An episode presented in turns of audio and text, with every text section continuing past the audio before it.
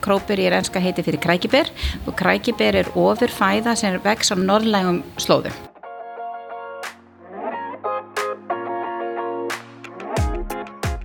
Ég heiti Alma Dóra og þú ert að hlusta á hlaðverfið Konur í nýsköpun. Helga Valfells er stopnandi og framkvæmdastjóri fjárfestingasjóðsins Króperi Capital sem er öflugur íslensku vísisjóður sem hefur fjárfest í framúskanandi nýsköpunafyrirtækjum. Helga býr að fjölbreytti reynslu sem spannar yfir heimsálfur og fjölbreyttar atunugreinar en hún sagði mér frá sinni vegferð og Króperi Capital í live upptöku sögumari 2021. Stuttu eftir viðtalir var tilkynntum stopnun Króperi 2 11,5 miljardar króna vísisjóðs sem er svo stærsti sem settur hefur verið saman á Íslandi. Þetta er þátturinn hvergi í heiminum er jafn mikið af nýsköpunarsjóðum styrt af konum með Helgu Valfells.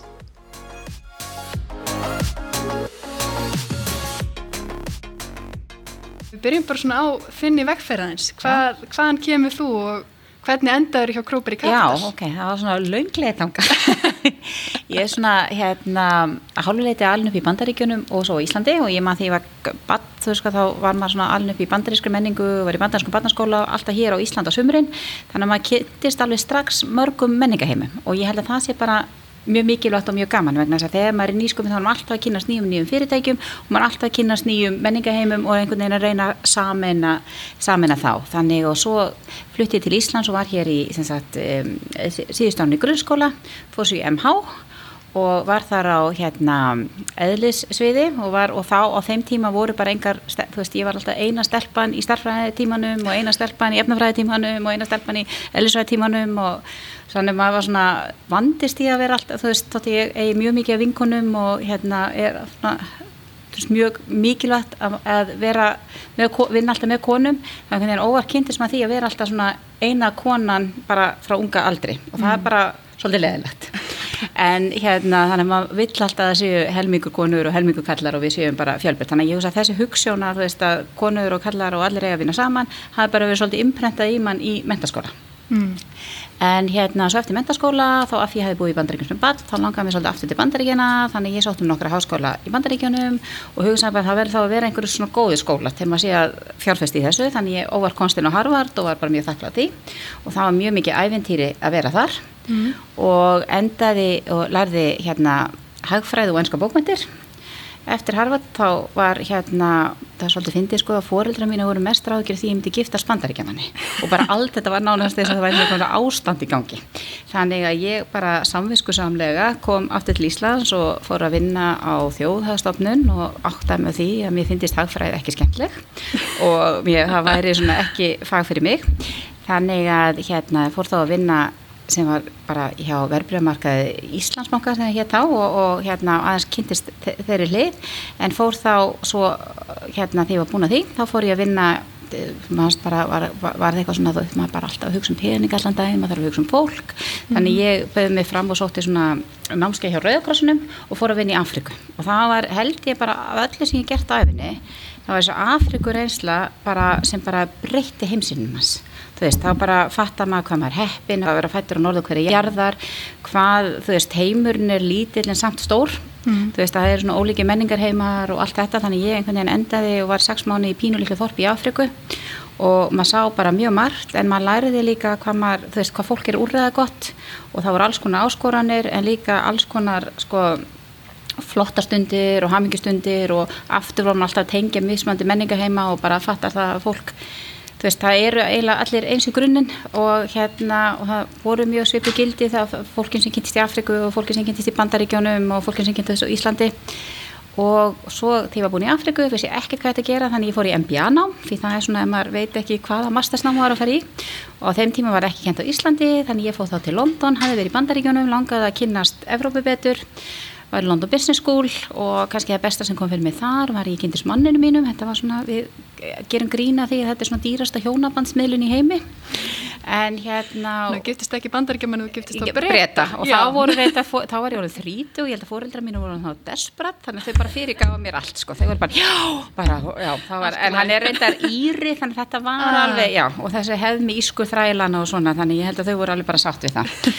Og hérna og við byggum í Breitlandi hérna, svo fór ég að vinna þar, vann fyrst hjá Esti Látur og kynnti í markasmálum og svo leiðis og hérna vann það með fullt af konum, það var bara alveg fyrirtæki rekið af konum og, og, og, og svona. Og svo ákvæmum að kaupa okkur íbúð og mjög bauð starf hjá fjárfæstingabanka þannig það var svona eiginlega betri laun og ég hugsaði líka alltaf svona forvitin að veita hvernig væri að starfa hjá svona stórum amerískum fjárfæstingabanka mm. þannig ég vann þar í nokkur ár.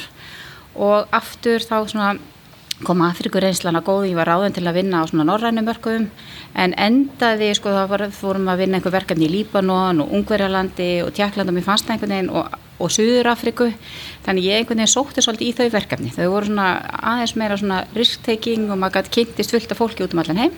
Þannig ég gerði þetta í einhver ár og svo því eignast fyrsta bannu mitt, þá ákvaðum við að flytja til Íslands um aldamótin. Og þá var og þá hérna var mér reynda bóði störf hjá böngunni hérna, mér fannst það bara afskaplega óspennandi þannig að ég hérna fór þá að vinna, var mér búið að taka við verkefni sem hétt Venture Iceland hjá, og það var þá útröndningsráð og það er svolítið, Venture Iceland var svolítið svona forveri Icelandic Startups. Þetta var að kynna nýsköpun fyrir fólki og, og vinna saman með öllum frumkvölunum og þetta var náttúrulega netbóla var á fullu.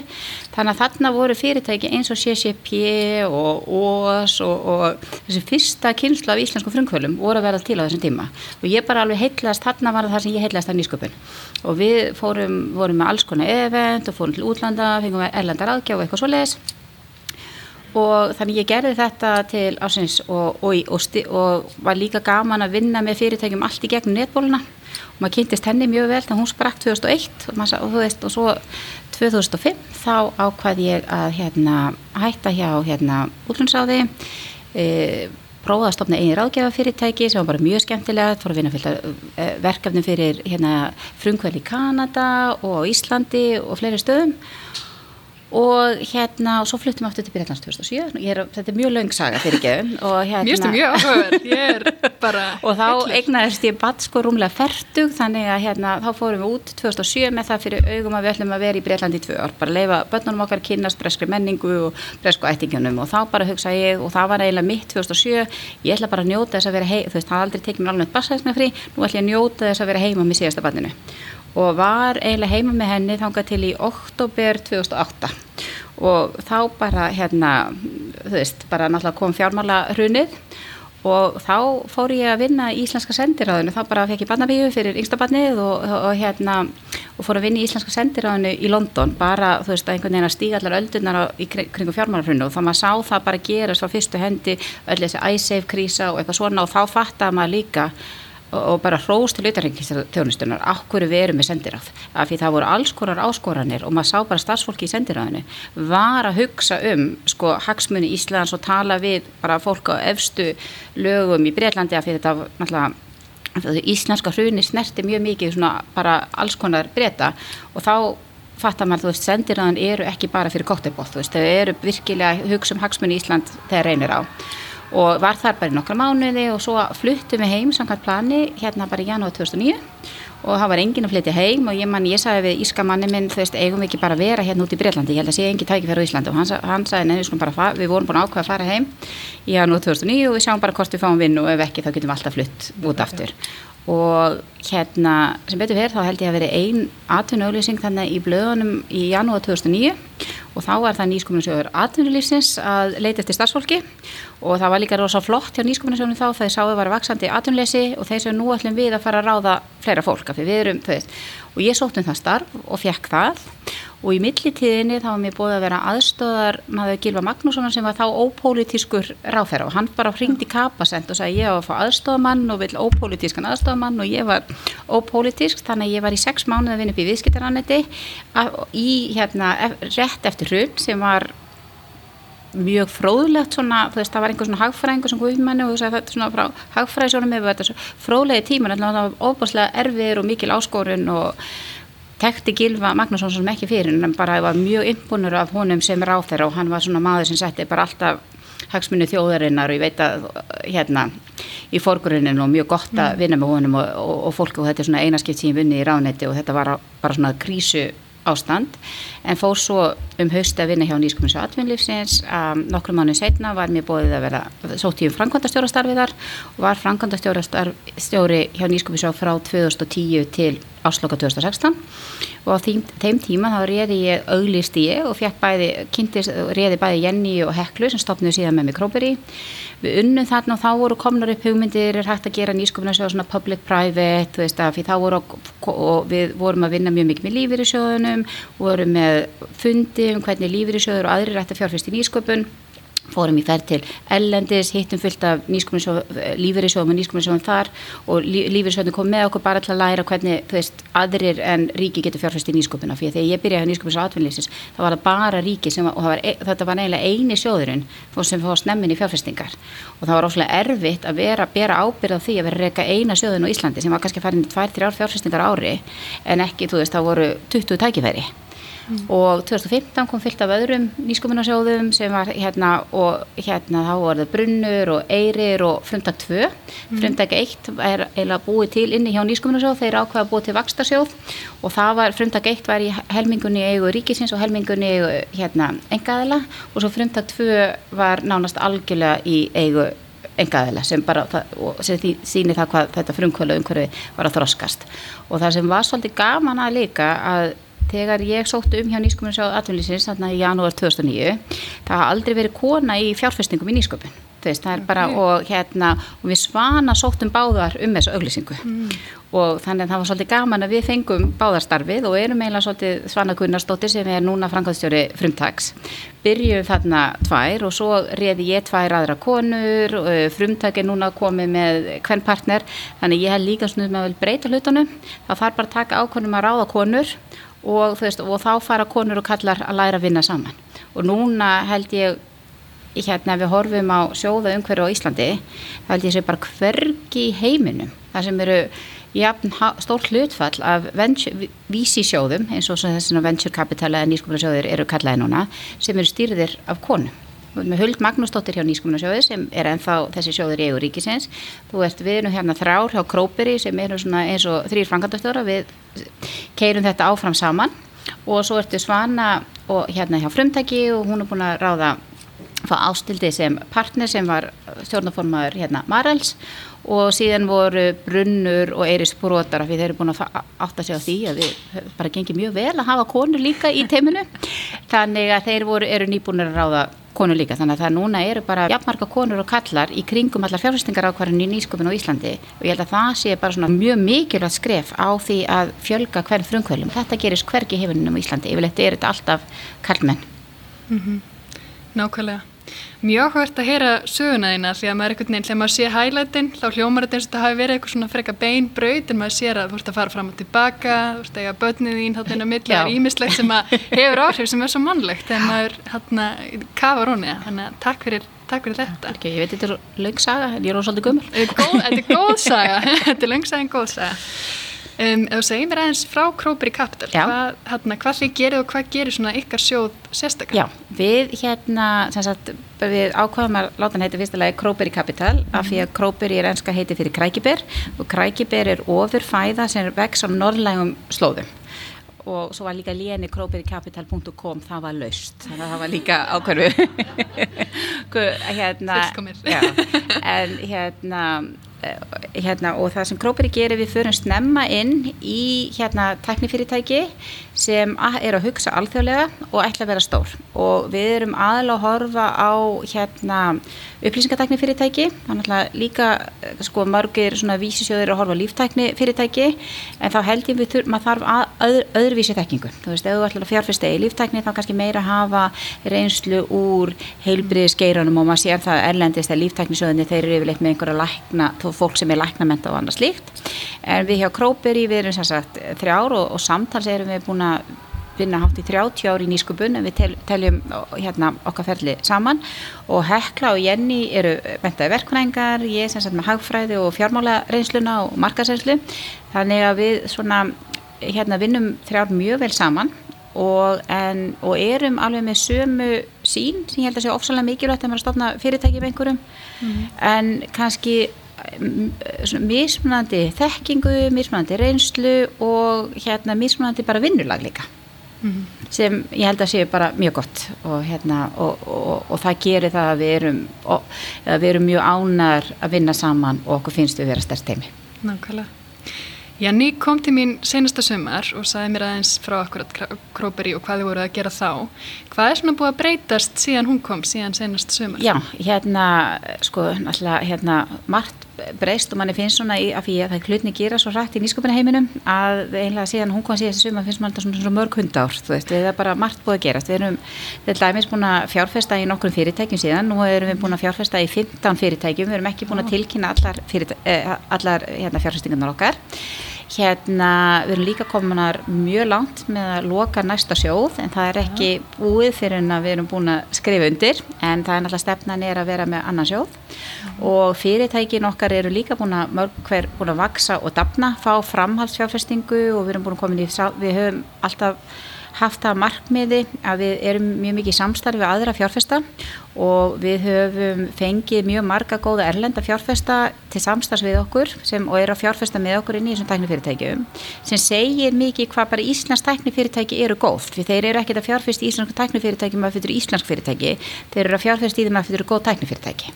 Mm. og þannig að við sjáum það, þannig að við erum núna komið með held ég 21 erlendan fjárfesti sem er að fara inn þessar 15 fjárfestingar með okkur. Og þetta eru allt svona vísisjóðir bæði frá Asíu, Bandaríkjónum og hérna Evrópu Þannig að, það, þannig að þessar meðfjárfestakar hafa aukist, fyrirtækin eru búin að vaksa, mér er að segja að við erum mjög stolt af því að það er eitt sem bara reiki með bara mjög góðum hagnaði okay. og hérna þannig að það búið að vera nóg að gera hjá okkur og við höfum, erum búin að vera að undibúa næsta sjó sem er Króper í 2 mm. og hérna þannig að þetta er svona það sem við erum búin að vera að gera. Alltaf gerast. Og þú segir okkur aðeins frá sko, hvernig ferli lítur út, bara hvar finnir við þessi fyrirtæki, þessi fjárfæstinga tækifæri og Hvernig lítur ferli út frá því að þið bara fyrstu kynnum til fjárfestingar ja. til síðan áframhaldandi samstarfs? Ja, alveg, hérna, það sem oft gerist og maður hvetur fólk til að gera, gera er að við erum alltaf tilbúin að hitta alla og sérstaklega í kaffibóla. Þannig ef að áður en að fyrirtæki fara að satna fjármagni eða að velta fyrir sér að satna fjármagni, þá erum við alltaf til að hitta fólk í kaffibóla og líka segja bara, þú veist, er þetta svona vísi leiðin sem þið ætla að fara eða eru þið að fara einhver aðra leið? Fyrir þess að það eru marga leiðir til að sapna fjármagni þegar maður stofna fyrirtæki.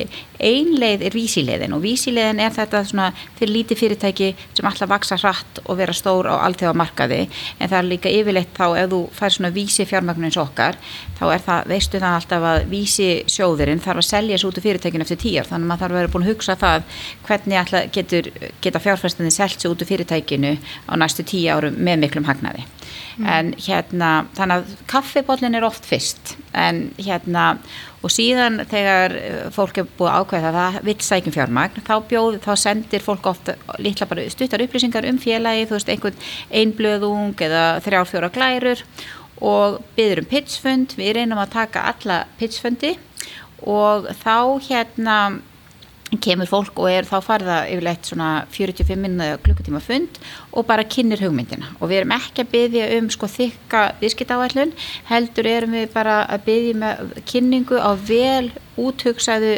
viðskiptatækifæri mm. og þetta er alltaf svona fyrstifundurinn og, og, og þá spurjum við og, og annað og svo höfum við innan hos hjá okkur vikulega fundi með öllu teiminu þar sem við fyrum yfir alla sem við erum búin að hitta í vikunni hvort við viljum hitta þá áfram eða ekki, þannig að svona, ef að þetta bara gengur alls ekki fyrir okkur við, þá reynum við að segja nei hratt, mm. en ef við ætlum að segja já, þá tekur það lengri tíma og þá yfirleitt byggjum við ef við viljum halda áfram að skoða fyrirtæki byggjum við fyrirtæki um frekar upplýsingar, hittum allt heimið heimsækjum skrifstofunar og svo erum við með okkar eigi fjárfestingaráð sem við ræðum þetta við líka og það er hérna í fjárfestingaráði eitt, þá eru þau þrjú, það er hérna fyrir, eða fjárfæstingar á fyrir Króper í eitt þá er hérna Gummi Hafsteins var lengi vel í fjárfæstingarnaðan okkar mm. en hann hætti því að við ákoma fjárfæsti fyrirtæki sem hann ah.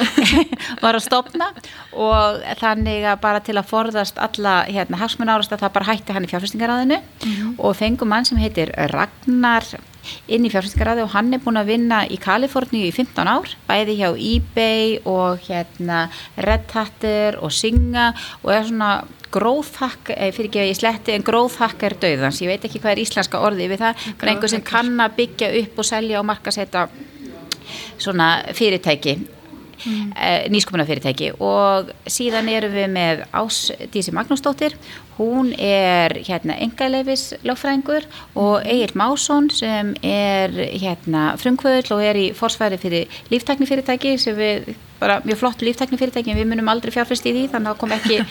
Og hérna þannig að þau þrjú eru fjárfæstingaráð okkur þegar við erum að skoða hluti þá ræðum við mjög mikið við þau. Þau komum með öðruvísi þekkingu og hérna þannig að það, það, við hefum líka samtal við þau og svo ef við tökum ákvörnum um fjárfæst í fyrirtækinu að þá er farið í lögfræðilega áræðilega könnun og hérna fjárhæslega áræðilega könnun og síðan fjárfæstum við. Og þetta fjárfæstingaferli getur tekið og, og meðan að fjárfæstingaferlinu stendur þá erum við líka að kynna fyrirtæki fyrir meðfjárfæstum og erlendum fjárfæstum og við höldum hvaða fjárfæstar eru góði fyrir þetta fyrirtæki. Fyrirtæki er líka komið í samtal við kannski aðra fjárfæsta af því að við, okkur, við, okkur, við erum mjög með, með mjög mikla teimið suksjón og þannig alveg eins og við viljum sjá gott teimi í startuð fyrirtækinu þá finnst okkur líka það sem mikilvægt að hafa gott teima fjárfæstum og við erum ofta að leita að fjárfæstum sem komum kannski með þekkingu til viðbáta við okkur, til dæmis við fórum inn í bálkakeði fyrirtækju, þá fengum við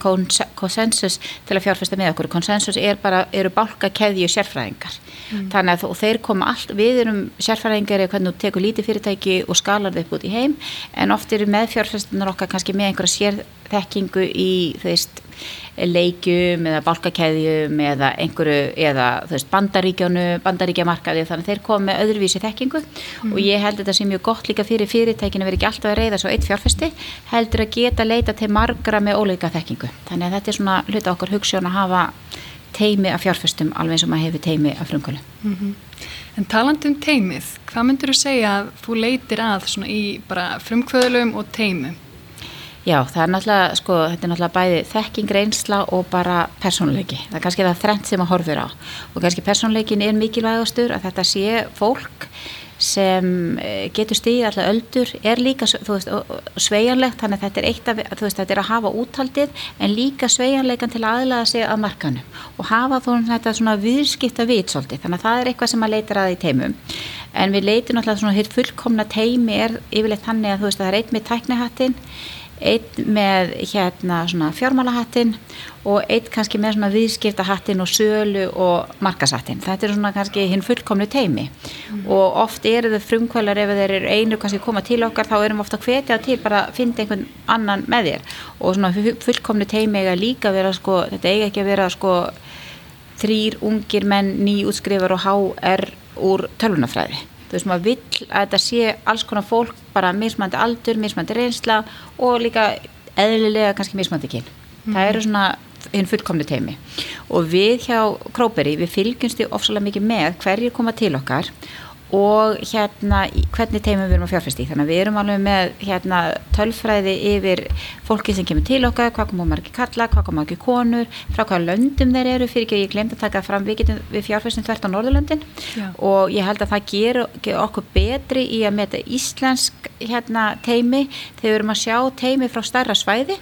Vegna þess að þá er maður að bera saman íslensku teimin við teimin í, sem við hittum í Danmörku, Svíþjóð, Noregi og Finnlandi þannig að hérna, það, það skiptir líka mál og, og íslensku teimin eru mjög sterk og mjög flott og mjög góð þannig að mm. 70% af því sem við höfum fjárfesti eru íslensk teimi og svo 30% eru teimi frá hinn í Norðurlöndunum. Mm -hmm. og, og sum teiminu hefur líka fjárfesti í teiminu sem er þú veist helmingunum frá Finnlandi og helmingunum Íslandi. Það er líka bara frábært.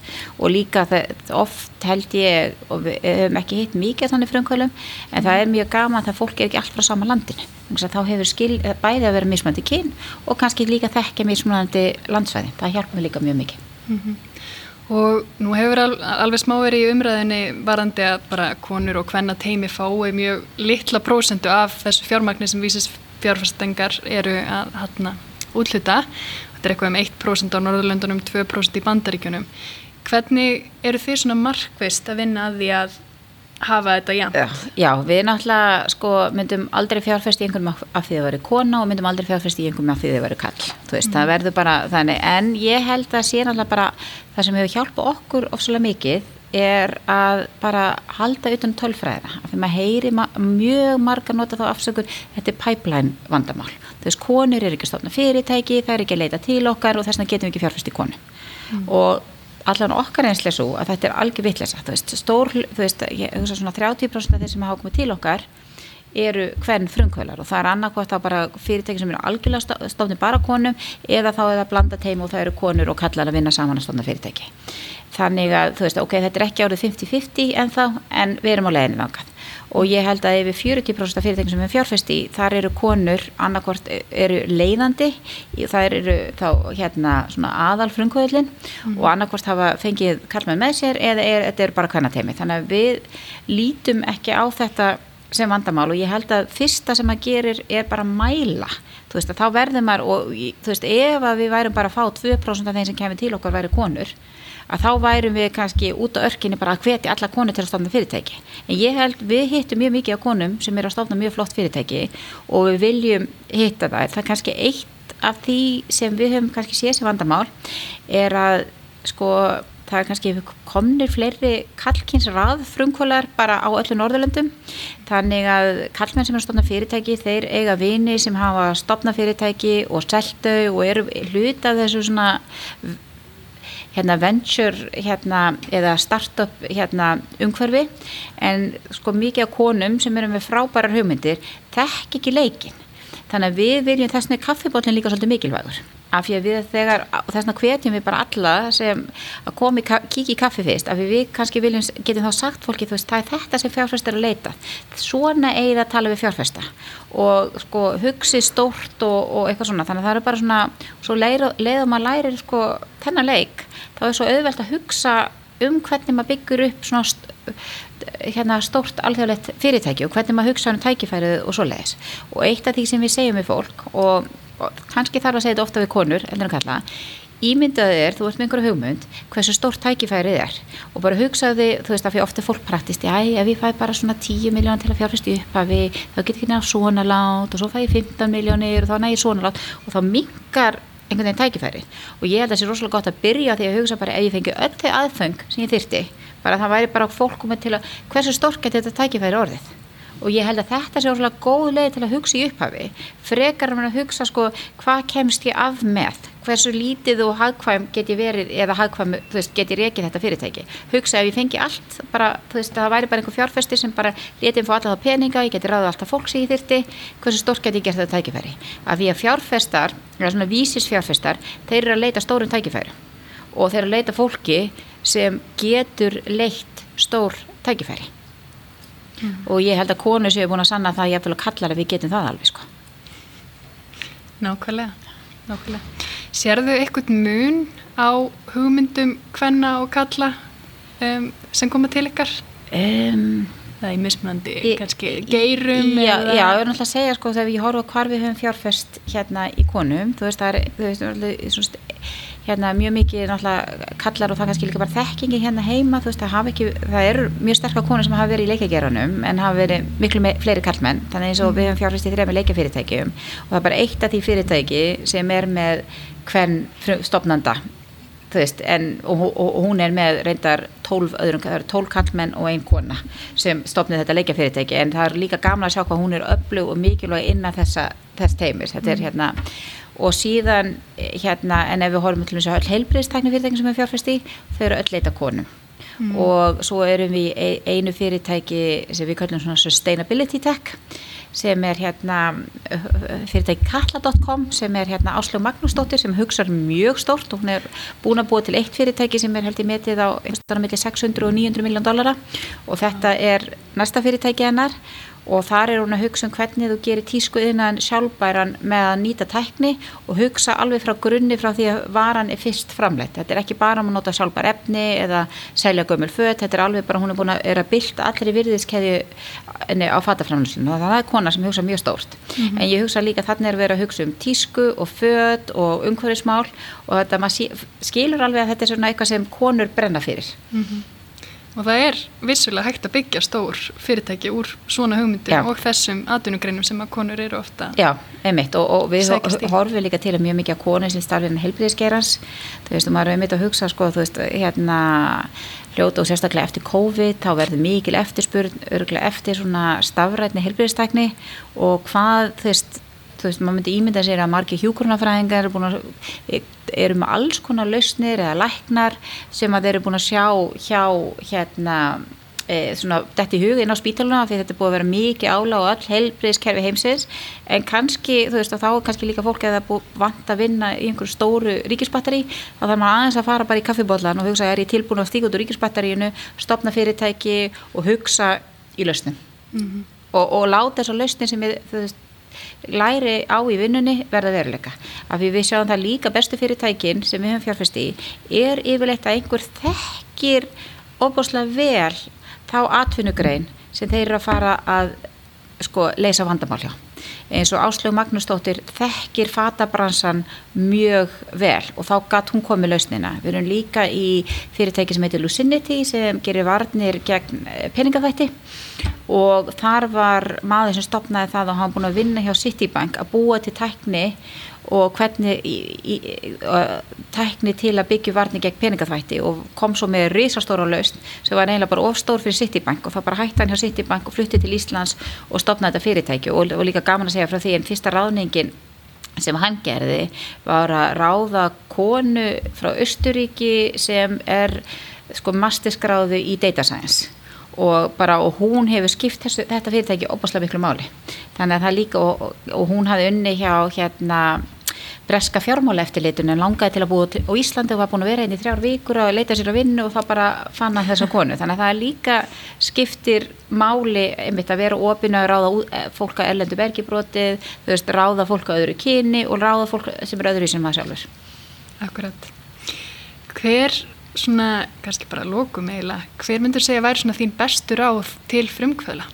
Um, svo mörg ráð en kannski bara það, þú veist, ég held að líka bara vera duglegur að spurja á náttúrulega stað, þú veist, það eru engar villasa spurningar, ég er búin að læra frá því ég byrjaði á nýsköpnarsjóð 2009 er ég búin að læra alveg ofbáslega mikið og yfirleitt hef ég lært mest á því bara að spurja fólk sem að maður lítur upp til eða hef, maður til að hafa rétta þekkingu. Eins og það var einn fjárfesti sem kom hérna, einn þekktasti fjárfesti bandaríkjana, kom hérna að tala einu svona á Startup Iceland sem var rástað sem haldin hérna og ég var alltaf að reyna að ná að tala þessu manni og ég náði aldrei að tala á hannum og langaði svo að læra af honum þannig ég bauðst til að keira til Keflavíkur. Og ég fekk 45 mínútna sko bara reynslu sögur frá þessu manni og það var bara opaslega gaman. Og svo bara hef ég síðan ég keiraði til Keflavíkur þá hef ég alltaf getað senda um tölvupóst og spursta spurninga. Og það er nefnilega og manni finnst oft og ég heyrði við mitt Davíð Helgarsson segja þetta líka að bestur ráður sem að fær eru yfirleitt þessu ókipis ráð. Af því að fólk sem hefur kannski búin að gera eitthvað eða þekkir eitthvað það er alltaf tilbúið að veita ráleggingar þannig ég held að byrjaði bara að spyrja. Mm -hmm. Er eitthvað sem þið langar við þetta að bæta? Nei, bara þakka kærlega fyrir mig og bara rósa líka þessu podcasti. Þetta er bara einstaklega flott og skemmtilegt podcast sem þú ert með og bara þakka þið fyrir að koma með þetta inn í íslensku nýsköpunarsenna fyrir ég veit svo, um svo marga sem hlust að það. Bara þakka þér Almar sko. Takk fyrir. Já, ég fyrir bara hjá mér.